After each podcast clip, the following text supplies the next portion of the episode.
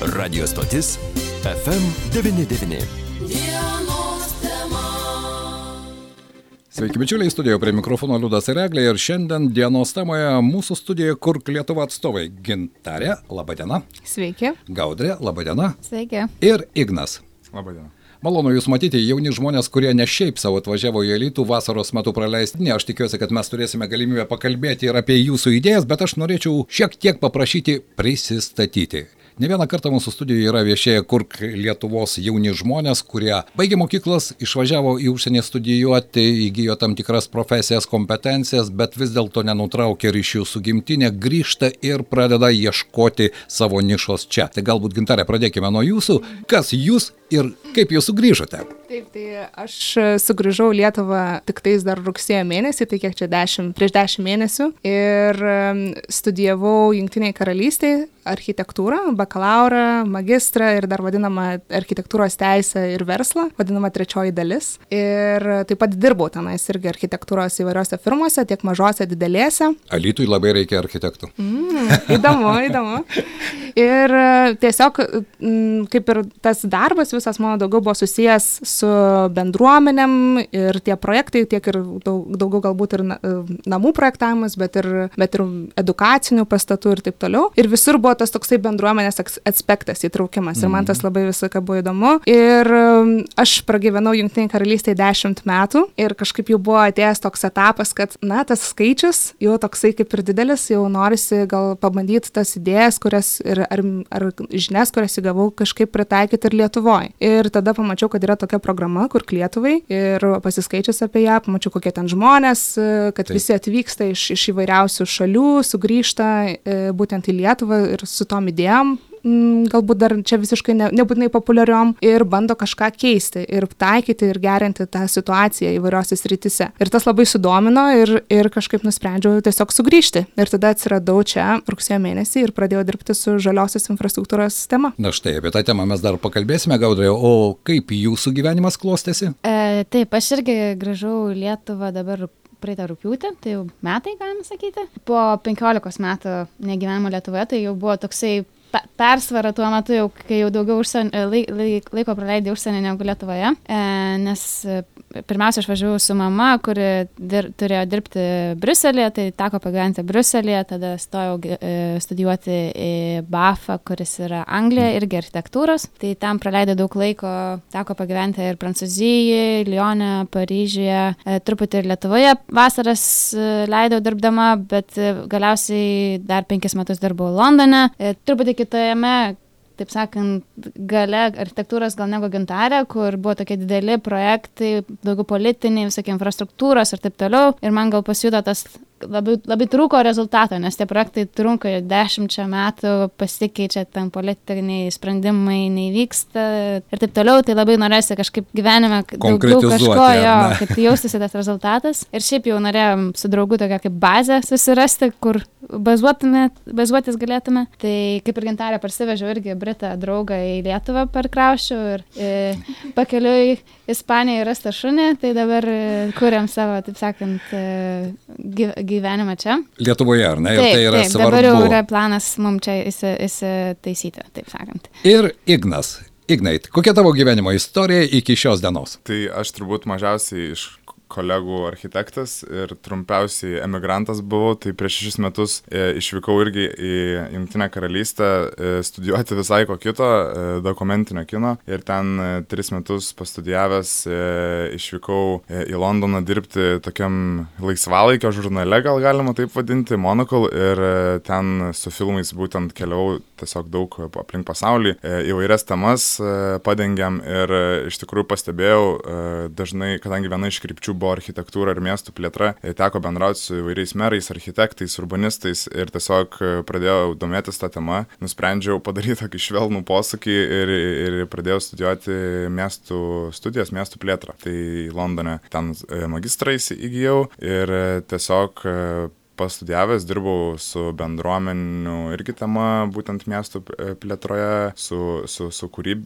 kūrybos savoka, e, kaip kūrybinės organizacijos, e, kokią įtaką turi mhm. miestų vystimisi. Ir iš tikrųjų tiesiog buvo kirbėjo jau tas noras, nors atrodo šeši metai gal netiek daug, bet jau kirbėjo tas noras ir Lietuvoje kažką kurti, nes panašu, kad ten vystėsi viskas ir atrodo norėjusi ne, nestebėti iš šalies visą tą, tą, tą, tą veiksmą, bet ir pat, pat, pačiam jame dalyvauti. Kad vis dėlto kur bebūtume, tai jauni, kūrybingi žmonės įgyja tam tikras kompetencijas, jie nori matyti savo darbo rezultatą, jie nori jausti savo poveikį aplinkai, visuomeniai, bendruomeniai, nes e, tenka bendrauti su begalė emigrantų, kurie įsibarstė ir jie net nekelia tokios ambicijos. Tai žinot ką, na aš ten gyvenu, bet aš negaliu daryti jokio poveikio, ne bendruomeniai, nes, na vis tiek aš esu atkeliavęs iš kažkur. Ar iš tikrųjų štai jūs, turintis jau tam tikras kompetencijas, patirtį, jums yra svarbu, jog jūsų darbo rezultatas, jūsų pastangos duotų konkretų rezultatą, keistų, keistų mūsų mąstymą, keistų mūsų miesto aplinką, keistų bendruomenės požiūrį. Ar tai svarbu? Mhm. Turbūt kaip ir jūs sakot, ir tiems e, lietuviams, kurie dirba ir, ir siekia karjeros užsienyje, jie, jie tą patį turbūt pokytį nori daryti, tik tai gal čia ne tiek kiek motivacijos klausimas, kiek mastelio skirtumas, nes Taip. Lietuvoje šiek tiek mažesnis kiekis ir, ir žmonių, ir, ir, ir, ir organizacijų, tai tiesiog jeigu tu užsidegęs esi kažkuriai temai, tau daug, daug lengviau ir greičiau gal pasiekti tam tikrus žmonės ir, ir, ir siekti to pokyčio, nes, e, sakykime, tokiam Londone, e, kuris už, liet, už Lietuvą didesnis yra e, kažko, kažką pasiekti, yra, yra daug sunkiau. Mhm. Aš ir irgi turbūt sutikčiau ir kad tas pokytis e, irgi nebūtinai e, mes siekiam kažkokio milžiniško pokyčio, bet, ka, bet kuris žmogus gali daryti labai mažą pokytį, tik ir, kaip ir sakom, savo bendruomeniai, net savo aplinkoje. Nereikia kažkokius įstatymus keisti ar, nežinau, siekti labai didelių ambicijų, galima ir pradėti nuo labai mažų dalykų. Bet mūsų projektu e, mes turime aukštas labai ambicijas. Tai štai apie jūsų projektą ir noriu pakalbėti, nes e, jūs atvykote į žalę miestą, vieną žaliausių Lietuvoje miestų, bet e, kaip ir kiekvienas miestas, jis turi savo galbūt vystimosi tendencijas, nors mums kartais atrodo, kad miestas neturėdamas savo vyriausio architektų neturi tos pagrindinės krypties ir kartais tai priklauso nuo politinės valios, kartais kartais nuo tam tikrų aplinkybių, nuo europinių pinigų, nuo begalės, bet norisi, kad tas miestas turėtų tam tikrą savo veidą. Ir tas veidas, kadangi mes turime to žalio ploto labai daug ir įsivaizduojame taip, mums užtektinai yra medžių, mums užtektinai yra pušynų, tai visur kitur mes galime tik trinkelę sudėti ir bus gera, jauku ir puiku gyventi. Bet turime labai konkretų pavyzdį. Rotušės aikštė, kuri yra tuščia niki ir turime kitą aikštelę Senamišio skverą, kuriame šiek tiek buvo kūrybiškumo, šiek tiek architektūrinės istorinės išmonės, šiek tiek iš mūsų miesto kilusio Jurgio Kunčino tekstų, fontanas ir palyginti trauką tų pačių miestelėnų arba miesto svečių, tu matai, kad čia yra tuščia, o ten visada yra žmonių. Tai štai apie jūsų projektą ir žalę infrastruktūrą tokiame žaliame mieste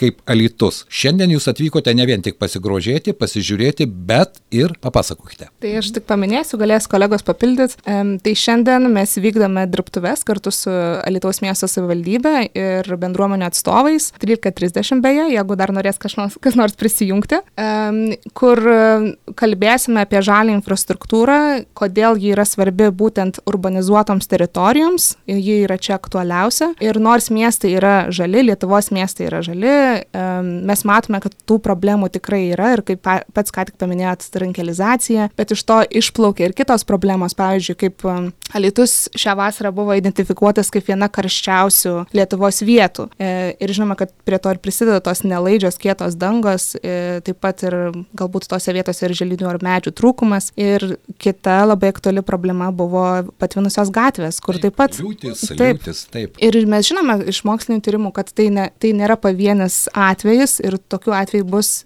daugiau ir ateityje. Ir miestai turi prie to taikytis ir daryti tam tikrus sprendimus, kur strategijas, kaip to išvengti ateityje. Ir žalioji infrastruktūra vienas yra iš būdų, kaip tai padaryti. Galima gal truputį papasakoti apie patį terminą, tai jis būtent 90-aisiais buvo taip sakant, pradėtas vartoti e, Amerikoje pirmą kartą, būtent bandant atskleisti tą aspektą, kad e, žalioj, žalas, žaliasis miesto sluoksnis irgi yra kaip ir infrastruktūra, kaip ir transporto infrastruktūra, inžinerinė infrastruktūra ir jį reikia strategiškai planuoti, nes jis mums teikia visas tas paslaugas, kurias mes paprastai gal priimam, kad jos savaime čia vyksta ir, ir, ir jos vyks, vyks visą auga, laiką. Ar Taip. ne, medžiai Bet auga, krūmai žolė, auga, taip. medžiai visą laiką reguliuoja mūsų mikroklimatą, kurį jeigu tų, to žalomos nebūtų, jį reiktų kažkaip kitaip reguliuoti, arba jis tada darytų mums Neigiamą žalą, poveikį, už kurią mes tada mokėtume, turėdami investuoti į sveikatos apsaugą ir taip toliau. Tai tiesiog visa ta žalio infrastruktūra teikia visas tas pa- paslaugas, kurios kitaip mums kainuotų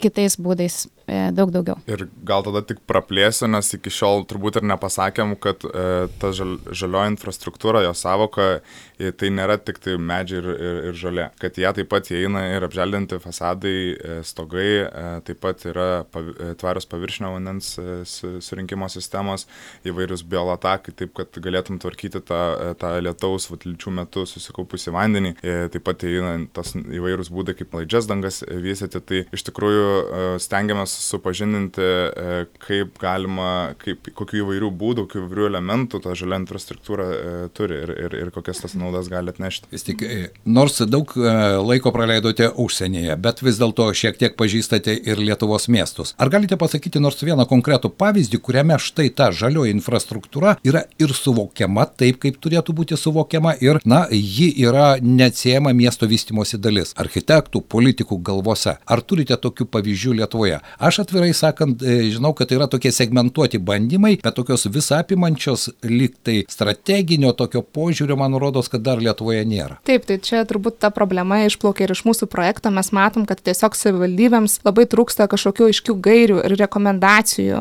ir tos kompetencijos, kaip iš tiesų skatinti tą žalį infrastruktūrą ir kaip ją įgyvendinti. Mes irgi šiek tiek bandom tai paliesti savo mhm. projektu. Mes vystame tokį kaip žaliosios infrastruktūros gidą, kuris bus prieinamas tiek ir visuomeniai, ir savivaldybėms, ir, ir kas norės galės jį atsiversti. Bet e, jeigu grįžtant prie klausimo, ar yra toks miestas Lietuvoje, kuris yra puikiai tai pritaikęs, turbūt, kad visi miestai šiek tiek skiriasi. Pavyzdžiui, Vilniuje žinom, kad yra tos kompetencijos pačioj savivaldybei, bet yra kitos problemos, ir, kurios ateina ir iš visuomenės, ir galbūt daugiau konsultavimuose su visuomenė ne visą laiką vyksta sklandžiai. Su rangovais dar yra. Su rangovais. Visa ta kultūra Mhm. tiesiog užtrunka nemažai laiko, kol visi pradeda suprasti, kad ten griovys palei gatvę atlieka labai daug funkcijų, Mhm. Taip. apželdintas ir taip toliau. Arba dabar tas visas pavyzdys su pieva, man atrodo, Vilniuje, kur dabar pradėjo nešienauti tam tikrų plotų. Ir staiga, man atrodo, atsirado daug daugiau supratimo, būtent šiais metais, e, daugiau gal tai yra informacinė kompanija, kad tos pievos ir prisideda ir, ir prie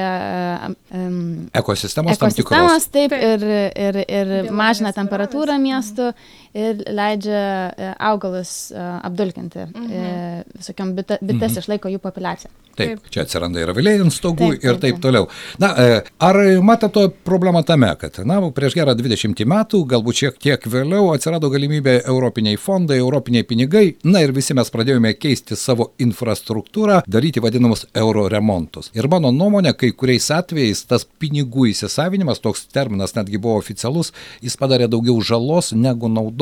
Ir ypatingai tokius mažus miestelius, kurie turėjo savo, na, kažkokį išskirtinumą, jie tapo vienodi. Identitetą. Identi- Identiteto nebeliko, liko trinkelės, šalygatviai ir asfaltas. Kaip dabar sugrįžti prie to žaliojo suvokimo? Na, šiais metais tai labai aktualu. Turime Virginijų Sinkevičių komisarą, kuris irgi apie tai kalba dažnai. Jūsų nuomonė, ko tam reikia? Supratimo, pinigų ar kompetencijos? Štai tokių jaunų žmonių kompetencijos. Tai čia turbūt keli sluoksniai, kaip ir pats sakėt, yra ir tas europinis e, sluoksnis, yra, e, vadinkim, savivaldybių suvokimas, edukacija ir yra, e, kas turbūt labai didelę įtaką turi, tai rangovai, kiek jie yra susipažinę su tais įvairiais būdais, kaip galima tas viešasis erdvės kurti. Tai gal pradėsiu, nežinau, kolegės pra, pratestai e, iš e, Europos komisijos e, bendrai stra, strateginių požiūrių ateina tas žaliasis kursas ir su juo kartu, pavyzdžiui, bio, biovairovės strategijoje yra išdėstyti tikslai, kaip kad, ką mes dabar akcentuojam ganėtinai daug žalinimo planai, kad virš 20 e, tūkstančių gyventojų turintys miestai turės pasiruošti e, tokius kaip žalimo planus, kurie e, apie ko jūs realiai klausėt, Taip. kas, kad tai būtų strateginis viso miesto e, kažkoks pobūdis e, vystymo. Mhm. Tai, e, tai tas tikrai yra didelis e, potencialas. Ir labai norėtųsi būtent, kad su tais žalimo planais neatsitiktų kaip su tais renovacijų mie- miestelių visam, Taip. kur ištrankelizavo visas aikštės, bet kad iš tiesų atsirastų tas supratimas, kas tam, tai, tam vietai, tam kontekstui yra geriausia. Aš sakyčiau, iš tų trijų dalykų pirmiausia yra kompetencijos ir taip švietimas, supratimas. O tada jau pinigai, nu, tai žalio infrastruktūra iš tiesų neturi kainuoti tiek daug, nebūtinai tai kainuoja daug. Tai yra Dažnu tiesiog... atveju yra pigesnė negu Taip. pilkoji infrastruktūra. Irgi. Netgi taip. Mhm. Ar ne? Nes rangovai dažnai sako, ai žinote, tai kainuoja per daug, man neapsimokės vykdyti to projekto. Aš jums noriu pateikti labai konkretų pavyzdį ir čia mūsų kolegė Glutė man neleis meluoti. Štai turime gimnaziją šalia miesto sodo, ten augo šimtametės, šimtamečiai medžiai dar sodinti gimnazistų prieš karą. Ir staiga šovė idėja, visą tai reikia sutvarkyti. Yra europiniai pinigai, ir, nežinau kiek, apie 700 tūkstančių ir tie visi medžiai ir netgi tie ažuoliu- ažuoliukai, kurie gal buvo šiek tiek nuskurę, bet jie buvo sodinti kiekvienos kartos baigusios gimnaziją, tuo metu vidurinę mokyklą. Viskas išpjauta, išrauta ir dabar štai aš einu, geležinė tvora ir totali trinkelizacija. Asfaltas ir trinkelės. Asfaltas ir trinkelės. Ir sako, žinote, na, bet kur kas patogiau, mums dabar e, saulė, e, medžiai neužstoja saulės. Bet sakau, o ką jūs darysite, kai birželio mėnesį kaitint saulė ir abiturientai turės laikyti brandos egzaminus, sėdėdami prie atvirų langų, kaip tada mhm. užaugs tie medžiai? Tas e, iš tiesų galbūt liūdnoka ta situacija, kurią nupasakotų, nes čia vėlgi ateina tas suvokimas, kaip ir sakome, turbūt prieš kelis metus, e, kai vyko tie visi projektai, nebuvo dar to su- supratimo, kad medis yra vertybė, kaip dabar jau tai ir transliuoja ir pati um, Europos komisija, bet e, mes savo projektų metu vystome tokį įrankį, jisai vadinasi žalumo indeksas ir per tą įrankį mes irgi bandome edukuoti žmonės ir suprasti, kokie yra tie žaliosios infrastruktūros sprendimai ir e, parodome taip pat kiekvieno elemento, pavyzdžiui, išsaugoto medžio vertę. Um, yra kiti elementai, taip pat koks lietaus sodas, um, jeigu naudojam uh, laidžias dangas, yra tiesiog kiekvienam tam elementui su, suteikiamas balas. Ir tokiu būdu žmonės gali suprasti ir įsivertinti, kad iš tiesų išsaugotas medis yra daug vertingesnis negu naujai pasodintas jaunuolis. Taip, kuris- europinis Taip. jaunuolis už tam tikrą sumą, kurie taip lygiom gretom yra sodinami gatvėse ir kartais pasižiūri ir galvoji, dieve mano, tai kurgi tas medis, kurį aš kažkada vaikystėje buvau apkabinęs. Na, na vis tiek visi mes esame žmonės ir tas emocinis ryšys su ta aplinka, mano nuomonė, yra labai svarbus. Taip. O štai tokie, na nežinau, kodėl taip yra. Na, aš tikiuosi, kad šiandien laboratorijoje jūs apie tai padiskutuosite ir turėsite galimybę pateikti tuos konkrečius pavyzdžius, ar ne? Nes iš tikrųjų, mokslininkai teigia, karščio bangos jos kartosis, lietaus ir liučių mes sulauksime kuo toliau, tuo daugiau. Jeigu dabar mes nespręsime tų problemų, kuo toliau jos bus sudėtingesnės, ar ne? Vilnius kesta, Kaunas kesta, Litus kesta šią vasarą ir visi skundžiasi. Žinot, vamžiai per ploni ir todėl nesurenka vandens, bet ar tame išeities, kaip jums atrodo, kaip štai tokioje konkrečioje situacijoje galima pasiūlyti sprendimą, kuris gali tarnauti dešimtmečiams į priekį? Čia labai įdomus tas pastebėjimas dėl to apskritai suvokimo dėl, kli- dėl klimato kaitos, nes mes dar turbūt ru- rudenį, kaip tik pradėjom savo projektą ir kalbėjomės su, su įvairiom suinteresuotom šalim, e, labai dažnai e, tą reikėdavo įrod- įrodinėti tos dalykus dėl klimato kaitos. Kad jis yra, kad ne? tas dalykas yra ir dabar šiek tiek ta situacija keičiasi ir kad jaučiam, kad žmonės jau po truputį, nu, kai tai yra tavo kieme, kai tu matai tas tunsančias e, gatves, e, tą karštį jauti, tada tas e, pasikeičia tiesiog su, su, suvokimas ir, ir mes labai tikimės, kad taip, sakykim, padės dar, dar greičiau tos sprendimus vystyti, bet gal tik tai ką pas, pa, paminėsiu, tai kad pavyzdžiui e, 2019 metais e, buvo toks tyrimas darytas, e, tai Lietuva tarp Europos šalių buvo identifikuota kaip labiausiai klimato kaitos paveikta šalis, ko mes patys tą faktą sužinojome. Nepripažinome, ar ne? Jo, nežinojome. kaip taip gali būti, bet e, ten grinai yra berods 10, 20 20 metų e, pokytis, tai, tai nereiškia, kad ten daugiausiai vandens lygis pakilo, ar kad e, paviršiai įkaito labiausiai.